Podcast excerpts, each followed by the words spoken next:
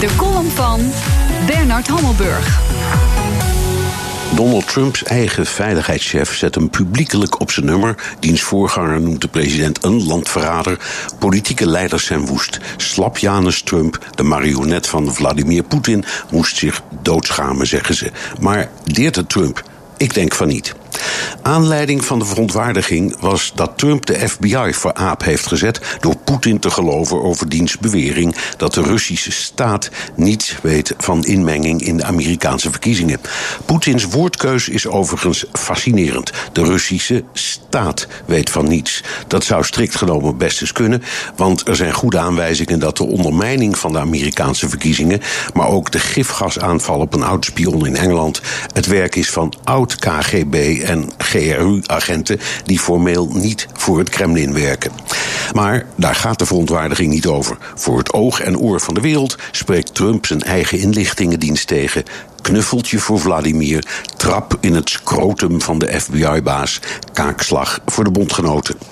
Verontwaardiging dus. Ja, NAVO-bondgenoten zijn wanhopig. Ja, de democratische oppositie is in rep en roer. Ja, een aantal prominente republikeinse partijgenoten van Trump is verbijsterd. Maar iedereen die Trump volgt, weet dat hij altijd in de eerste plaats praat tegen zijn eigen achterban. De mensen in staten als Pennsylvania, Kentucky, Wisconsin. Die mensen hebben lak aan Washington, de NAVO en de EU. En buitenlandse politiek interesseert ze geen zier. Die Poetin zal wel niet deugen, maar kom op zeg, zand erover.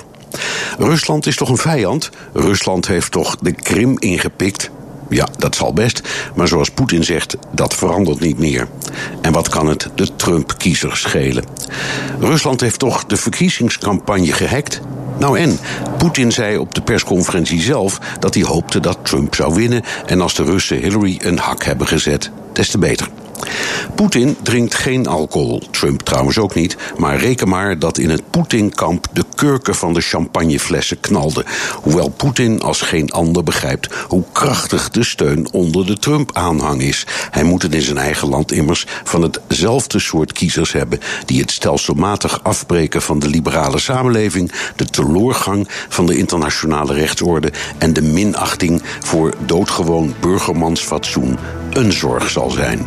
Bernard Hammelburg, onze buitenlandcommentator en columnist op woensdag. En u kunt zijn column terugluisteren op bnr.nl en in de BNR.